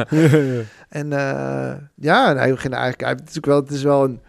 Hij houdt ook wel van dat spelletje met de journalisten. Hij zo, ja, voor mij zei hij zo, zo dus, dus jij wilde een boek schrijven over de raad. Weet je wel, hij begon natuurlijk wel een beetje te, ja, ik weet niet, eh, hij, hij ging niet alle geheimen zomaar op tafel gooien. En dat heeft hij wellicht ook niet gedaan uiteindelijk. Maar het werd eigenlijk wel een normaal gesprek. Ja. Hij, hij wilde ja, weten hoe ik erbij, hè, waarom ik het interessant vond. En we hadden een heel normale, dus dat, dat liep eigenlijk wel oké. En wat ik eigenlijk wel merkte is dat hij, ik, op een gekke manier was die denk ik Hij heeft natuurlijk door de jaren heen één of twee keer nog wel een, een gesprek gevoerd over zijn eigen loopbaan. Hè? Dus dat hij eh, tegen, tegen een Zeeuwse journalist iets zei over toen hij klein was in Zeeland als fietser, dat soort dingen. Dus hij is ook niet compleet ongevoelig voor de Amstel Gold Race. Voor het jubileumboek heeft hij geloof ik wel iets gezegd. Maar dan alleen maar over dat fietsen, nooit over Rabo. Hij was op een gekke manier voor mij best wel opgelucht dat hij wat kon zeggen. Omdat natuurlijk was hij pissig. En niet per se op mij. Hij zal nu misschien ook boos op mij zijn, geen idee. Maar, ehm, ja, waarom denk je dat? nou, kijk, omdat er ook wel wat dingen in staan over waarom het misgaat met hem. Over, en, en, en, en eh, dat hij toch ook wel een borrel lustte en dat het niet altijd even goed ging. Is niet mijn eigen mening. Hè? Mhm. Meer dan tien eh, mensen die mij dat verteld hebben. Dat vindt hij niet leuk. De, hij heeft de tekst gezien die hierin staat, daar was hij mee akkoord. Maar als we het er nu over hebben, vindt hij niet aangenaam. Nee, nee, nee. Nou ja, oké, dat, recht heeft hij. Maar dus om maar aan te geven van, dus er zijn ook bij hem wel allerlei gevoeligheden. En ik denk dat, kijk, uiteindelijk, nu Jumbo is ook nog voor een deel raas. Want heel veel mensen die hij erbij heeft gehaald, we, we, we de raas deed ook gekke dingen. Maar voor Frans Maas, daar heeft hij gewoon tegen gezegd, die moet eh, ploegleider worden. En dat is nu nog een succesvolle ja, ja, ploegleider. Dus zo heeft de raas natuurlijk heel veel beslissingen genomen die ook eh, goed werkten. Hè? Met, met, op Ja, zijn, ei- zeker. op Ja. zijn eigen gekke manier soms, maar het werkte vaak ook wel prima. Ja. Ehm, dat iemand ooit bedacht heeft dat het goed zou werken samen met de bank, dat kan ik gewoon niet geloven. Maar dat is weer een eh, ander verhaal. Alleen, dus hij zelf was echt wel gefrustreerd over die breuk. En dat merkte je ook wel. Hij vond het echt jammer. Wel, als hij het nu over sprak, hij zat echt te schudden met zijn hoofd. En zo jammer, die sponsor. Hij, heeft dat, dat, eh, daar meende hij ieder woord van. Ja. Dus hij vindt het echt verdrietig dat het is misgegaan. Alleen, hij ziet wel de reden, dus de, de oorzaak daarvan bij een ander. Hè? Hij vindt niet dat hij dat, dat zelf heeft veroorzaakt. En ehm, nou ja, d- d- d- dus in die zin ehm, is het wel iemand van ja, ik bedoel, je kan voor mij een hele leuke avond met hem hebben, maar als hem iets niet zint, is het ook wel klaar. dus Ja, het is ook wel zwart-wit, waardoor er natuurlijk al die, al die botsingen en dingen ook wel Maar, ontstonden. maar ik vraag me wel af, van, want er is een, een boek over eigenlijk zijn, zijn, het is toch een beetje zijn project. ja, absoluut. En, en ik kan me ook wel voorstellen dat hij een soort van trots heeft dat als er dan een boek is Ja. en hij kan niet daar iets over zeggen. Alsof Ja. bijvoorbeeld eh, je een, eh, een, nou, misschien is het geen goede vergelijking, maar je hebt een relatie gehad, dat is een hele leuke tijd gehad, je hebt daar kinderen uit gekregen en er wordt een boek geschreven over dat gezin ja, en je mag er zelf niks over zeggen. Dus misschien had hij toch ook zoiets van, zeker. ik wil gewoon wel wat over zeggen. Nou, dat. Ik denk dat hij dat altijd... Kijk, hij heeft natuurlijk ook wel een tijdje een column in het AD gehad. Hè? En, en dan had hij het altijd, eh, geloof ik, over de bankiersploeg of zo. Dan denk ik ook een beetje... Dus kijk, hij is natuurlijk wel... Ja, er zit ook wel een bepaald... eh, het is wel een man met een mening, weet je wel. Het is niet Ja. dat hij het dan vergeten nooit meer over heeft. Dus hij wil het daar, denk ik, ook wel over hebben. En ik denk het voordeel was, als dat de gouden tip is om ooit te... ta- Kijk, ehm, hij hoeft er zelf niet zo ontzettend veel te zeggen. Hij hoeft er niet iets te ont... Weet je wel, er staan natuurlijk best wel een paar dingen in die ik heb uitgevonden, die hij liever niet zelf had gezegd, omdat dan niemand kan zeggen dat hoort bij je zwijgcontract of dat weet je wel, dat kan je niet zeggen. Of. En nu hoeft hij eigenlijk alleen te reageren. Het is een tacticus. Ik bedoel, eh, Het was natuurlijk niet dat jij Raas naar mij toe kwam. Oh, ik vind je zo'n leuke jongen. eh, Ik vertel je al mijn diepe geheimen. Zo werkt het niet. Nee. Maar hij had nu wel het idee van ja, hier komt wel zoveel in van hè, wat, bedoel, wat, wat moet ik nou doen? Iedereen roept wat over mij, eh, er wordt van alles ge- geluld, eh, of ik wel of geen borrels dronken, wat dan ook, weet je wel. En ik kan niks zeggen. Ik bedoel, dat, dat, dat sloeg ook totaal nergens meer op. nee, precies. Ik denk ook niet, maar dat weet ik niet 100% zeker, maar ik denk niet dat iemand ooit bij de bank tegen je raad gaat zeggen, je had een clausule en je hebt nu wat gezegd. Want dat kan, dat kan gewoon niet. Ook Nee. zoveel bankiers die soms ook niet erg heldhaftig dat dan per se anoniem willen doen, maar dan natuurlijk wel allemaal dingen vertellen. Ehm, ja, ik bedoel, ja, voor hem, het was gewoon tijd. Ik denk dat dat het eigenlijk was. Ja. Maar ik denk wel, het was tijd en het wordt geen tijd meer. Hij doet het één keer en ik denk niet dat hij het weer doet. Nee. Ja, Dus misschien is dit ook wel voor een Is dat een aantal, beetje een eh, vervelende conclusie? Sorry. Maar, nee, helemaal niet. Want, want wij gaan gewoon een keer met een, eh, een soort van oeuvre award naar hem toe. En, maar los, misschien, misschien had dit boek ook voor een bepaalde, bepaalde renners ook wel het moment geweest om, eh, om toch ook wel op Ja. elkaar te spelen. Ja. Want we Ja. weten allemaal wel, er zijn echt nog wel meerdere renners. Alleen het moet nog steeds eh, Ja. uitkomen. ja, dat- Maar ja, maar wat gaat het toevoegen? Nee, het voegt, het voegt misschien niet voor ons wat toe, maar misschien wel voor de persoon Ja, zelf wel. dat het wat toevoegt. Wat, zo wat, wat je net ook verteld van, het is ook een stukje hè, vrijheid, opluchting, dat, het- dat het de last van je schouders wat misschien van je afvalt, om dat dan Ja, in een verkapte vorm samen met heel veel ander leed eh, dan toch ook wel te ja dat is waar. Maar over, over, kijk, over Raas, laten we wel duidelijk zijn. Ik, ik, ik, dat moeten jullie zeggen als het niet zo is. Maar ik heb wel het gevoel dat het boek ook laat zien waarom hij zo belangrijk is geweest. Wat hij Ja, allemaal heeft voor elkaar heeft gekregen. En het is nu nogal wat, zo'n team op de been brengen en, en daar eh, toch van alles mee presteren. Ja, is natuurlijk een waanzinnige man in het wielrennen. Het is ook bizar dat hij nou eh, teruggetrokken in een Zeeuws dorp leeft. Eh, oh, Dat is natuurlijk heel apart. Maar het maakt wel gewoon zijn hele mythische verhaal rondom de persoon Raad maakt het wel compleet. Het was Ja. natuurlijk als wielrenner al. Ik bedoel, eh, boeken eh, van, eh, van, van Smeets over de tour van die Joop Soetemaak won. Dat op een gegeven moment ook komt een stuk in dat Raas niet meer met de NOS wil praten. Ja, Nou, wel- welke redder gaat tegenwoordig zeggen ik wil niet meer met de NOS praten? dat zal niet snel Dat, gebeuren. nee, maar dat, dat soort dingen. En dan op een gegeven moment is er echt gewoon een geboycott. En dat ging er dan om dat Raas was de Kouwburg een Ja, paar keer opgeduwd. WK, ja. Ja, en eh, daar was hij pis link over. Nou, Ja. dat soort dingen. Ik bedoel, tegenwoordig ga je dat niet eens meer in je hoofd, weet je, om Nee. dat te doen. Dat, is gewoon... nee, maar het dit- is- dan heeft hij ook iets in zijn hoofd en, dan blijft het erin en dan, eh, dan komt het ook niet meer goed. En ja, dat maakt hem uniek als, eh, als sportman. Ja. Het is natuurlijk eigenlijk gewoon heel jammer van dat, dat, dat, je, dat ook, weet ik veel, anderen niet meer de kans krijgen om nog veel dingen aan hem te vragen. Ik bedoel, het is gewoon een fascinerende kerel, weet je wel. Je, je hoeft het allemaal niet met hem eens te zijn of hem, eh, weet ik veel, wat te vinden verder. Maar eh, ja, Ja. zo iemand zou toch juist eh, omarmd moeten worden ook. Zeker, maar, maar ja, het zegt Ja. toch genoeg dat wij... laten wij, omarmen, ja. wij zijn 37 jaar en eh, wij vinden Mart, Mart Smeets heel vet en Jan Raas. Waarom is dat, weet Ja. je wel? Als je dat voor jezelf wil nagaat. Ja, je zegt het goed, het is een uniek Ja, persoon. precies. Maar Ja. Dat, is, dat, dat is het. en iemand die heel, heel waardevol ook voor de wielersport is eigenlijk. Ja. Ja. Maar ook gewoon vraagt om een mooi verhaal. Dat is het gewoon. Ja. Misschien kan die man er niet eens heel goed vertellen, maar ja, je wil gewoon je wil dingen van hem weten. Ja. Dat, dat, eh, dat inspireert. Nou ja, Jan die luistert dus altijd. Hij hoort, Ah, dus we komen graag hoort- naar zijn. hij hoort alles. Ja, Geen ja. probleem. Ja, en anders ja, ja, precies. hey, we gaan bijna afsluiten. Voelt het als een kindje? Ja. Eh, Ben je er heel trots op? ja, heel trots op. Ik vind het ook echt eh, dat je dat eh, mag zijn. Nou, wie ben ik? Maar ik vind het echt fantastisch hoe je het hebt gedaan. En ik vind het ook echt zo'n compleet boek. Als je ziet hoe, hoe, diep je bent ingegaan en hoeveel mensen je hebt gesproken. En heeft, misschien klinkt nou, heeft corona je dan een beetje geholpen? Ja. Ja? Binnen zitten en bellen was het enige wat. Ja, ja, Ja. Maar dat hielp wel, ja. ja. Ik heb hem nog niet gelezen, maar eh, hij brandt. Hij brandt. Ik Hij vond het wel heel erg goed. ik ga me- nee, ja, dat heb ik niet gezegd. dat, heb ik- dat, dat heb ik nog heel gezegd. Maar ik ga hem wel heel snel lezen, ja. Ja, Ja. absoluut. Hey, en eh, ik vraag me wel eens even af, want eh, je bent dan zelf schrijver. Ehm, maar wat vind je dan zelf, nou, misschien niet per se het beste wielenboek, maar wat vind je het beste, nou, wel het beste wielenboek? Want er zijn veel wielenboeken, vooral de laatste tijd. Voor mij zijn er afgelopen zomer ook al vijf, zes uitgekomen. Uh, ik, heb, ik denk met Randall over Marco Pantani vond ik heel eh, interessant. Ik heb, ja, dat vond ik heel goed. Ehm, ik vond eh, Peter winnen van Santander naar Santander, dat geloof Ja, ik, eh, ja. van een jaar of twintig geleden. Ja. Ja. Dat vond ik toen heel leuk, omdat de wielrenner toch ja, allerlei bijzondere verhalen vertelde. En, eh, soms ook een beetje spannende verhalen. Eh, Ja, dat, was, dat vond ik heel mooi. Ehm, ik heb altijd alles van Mart Smeets gelezen. Eh, ja, dat vond ik altijd heel aardig. Ja, ik denk dat dat voor nu een Ja. beetje de dingen zijn die ik echt... eh en trouwens, die, eh, wat ik iedereen kan aanraden, die rally-biografie, die ontzettend dikke. Ja? Dat vond ik wel boeiend, ja. Ja? Ja, Dat is een dat is meer een beetje een romantische boek. Want dat vinden mensen soms aan dit boek niet zo leuk. Dat het toch een beetje, ja, rauw en hard en ja, eh, precies. weet je wel. En, gewoon feiten. ja, en een beetje ook... Ik bedoel, ja, hier staat niet heel veel romantische verhalen in, eh, durf ik wel eh, Nee, toe te geven. Ja. Uh, dat is een keuze geweest. Maar dit, dus ja, ik vond altijd die romantische dingen wel leuk. Maar dat boek over Pantani raakte me wel. Hoe hij echt zo wegzakt en alleen in dat hotel. Dat vond ik heel zielig eigenlijk. Ja.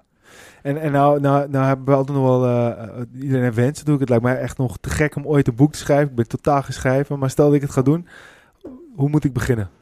Uh, bij het begin. nee, maar dat, dat klinkt echt extreem flauw. Maar dat is eigenlijk nog best wel een serieuze opmerking, Ja, eerlijk ja. gezegd. Je moet het vooral niet zo ingewikkeld maken. Nee? Nee. Uh, dat heb ik wel gedaan. Dus ik weet dan uh, waar ik het over heb. Maar nou ja, het is eigenlijk gewoon... Uiteindelijk is het uren maken... En een plan maken. Want ik heb er wel altijd een plan van tevoren. Van, uh, nou ja, ik heb een aantal hoofdstukken. Denk ik, gaat het zo. Ik sta altijd open voor nieuwe fondsen. Dus het hoeft niet te gaan zoals ik het bedacht had. Maar dat je wel enige structuur hebt, zeg maar. Ik bedoel, het is eigenlijk non-fictie. Je verzint het niet zelf. Je moet natuurlijk ja, gewoon de, de informatie verzamelen ja. en dat noteren. Ja. Dus dat laat zich ook wel enigszins plannen, zeg maar. Dus ik maak altijd wel een duidelijke plan. Uh, ja, en dan is het gewoon uren maken. Okay. Ja, is dat, heb je daar wat aan? Of ja, nee, ja, ja, ja, dus zeker. Ik moet eerst nog maar eens uh, gaan beginnen. Maar en uiteindelijk... Uh... altijd een, een, groepje meelezers. Dus, en dan een paar mensen waarvan je weet... van die gaan dingen zeggen die ik echt heel vervelend vind. Maar die haal ik er juist bij. Ja, precies, ja. Uh, kritisch hoe beter. Ja, niet alle... bedoel, je hoeft niet... Kijk, uh, mijn moeder zal altijd zeggen dat het het beste boek sinds Harry Mulisch is. Dus dat is ook leuk om te horen af en toe. Maar daar ja, heb je ja, natuurlijk ja. niet aan om het beter te maken. Alleen... ik zoek wel altijd bewust een groepje mensen met bepaalde kwaliteiten waarvan ik weet, oké, okay, die gaat me ongeveer. Hè, dat, dat, ja, je moet wel uh, kritiek om je heen hebben, anders wordt het niks. Ja. ja. Nou ja, jongens, ik, uh, ik vond het echt, uh, echt leuk om, uh, om ook deze kant van het wielrennen weer een keertje zo te belichten. Ja. ik wil je ook echt super bedanken, Maarten. En mocht je straks een deel 2 ooit gaan maken, Geef ons even een seintje, want dan bellen wij weer eventjes meneer Jansen. Wat, ik stiekem wel leuk dat, en dat is voor mij is dat, ja, ik weet niet zo goed. Ik vind Frans Maas een boeiende man. Ja, ja ik kan je zelfs dit zeggen. Als Frans Maas ooit een autobiografie wil maken, dan moet hij mij zeker bellen. Oké. Okay. Nou, zullen we anders gewoon Frans Maas straks een keer... Ja, nee, ik vind het een fascinerende man. Ja, dat denk ik ja, ook wel. Ja. Ja. Michiel, uh, probeer het even. Ja, kijk, het is wel een man die alles heeft meegemaakt. Ja. Hij heeft mooie momenten, maar hij heeft de mindere momenten. En hij heeft zelf ook nog een hele mooie carrière gehad. Absoluut. Al die toptalenten heeft hij begeleid. Ja. Ik denk dat hij... Uh, dus hij heeft alle facetten in het wielrennen eigenlijk wel, wel En hij, blijft ook maar gewoon toch op een bepaalde manier ook een beetje op de achtergrond maar doorgaan. Ja. Weet je, waarschijnlijk morgen als deze online komt, dan uh, krijgen we een reactie van Rens Muller. Met uh, het, uh, het vooral Luister de podcast even. ja, ik weet niet waar ik aan begonnen ben, maar uh, we, gaan het horen. Ja, ja. Het zou een mooie boek wij, zijn. Wij kunnen mooi het begin van een nieuw boek ja, creëren. Ja, ja, ja, ja, Zo gaat dat. Nee, dan halen Waarvoor we dank. Dan halen we het openingswoord misschien. het voorwoord. ja. Inderdaad, ja. ja. Jongens, we gaan, we gaan afsluiten. Peter, zeker. laatste woord. Top. Nee, was leuk, mannen. Maarten. Nou, dankjewel. Hartstikke leuk om hier te zijn. Kerkklok gaat tussen tijd. Ja, ja zeker. Ja, precies. Wilco? Ja, het was uh, weer een mooie podcast. Mooie verhalen weer. Oké. Okay. Ja. Goed, bedankt voor het luisteren. Volg ons op Facebook, facebook.com slash Twitter Arrière C, Instagram podcast Arrière Lacours. En ga ook eens kijken op onze website www.arrièredelacours.nl. Bedankt voor het luisteren en tot de volgende Arrière de la Cours!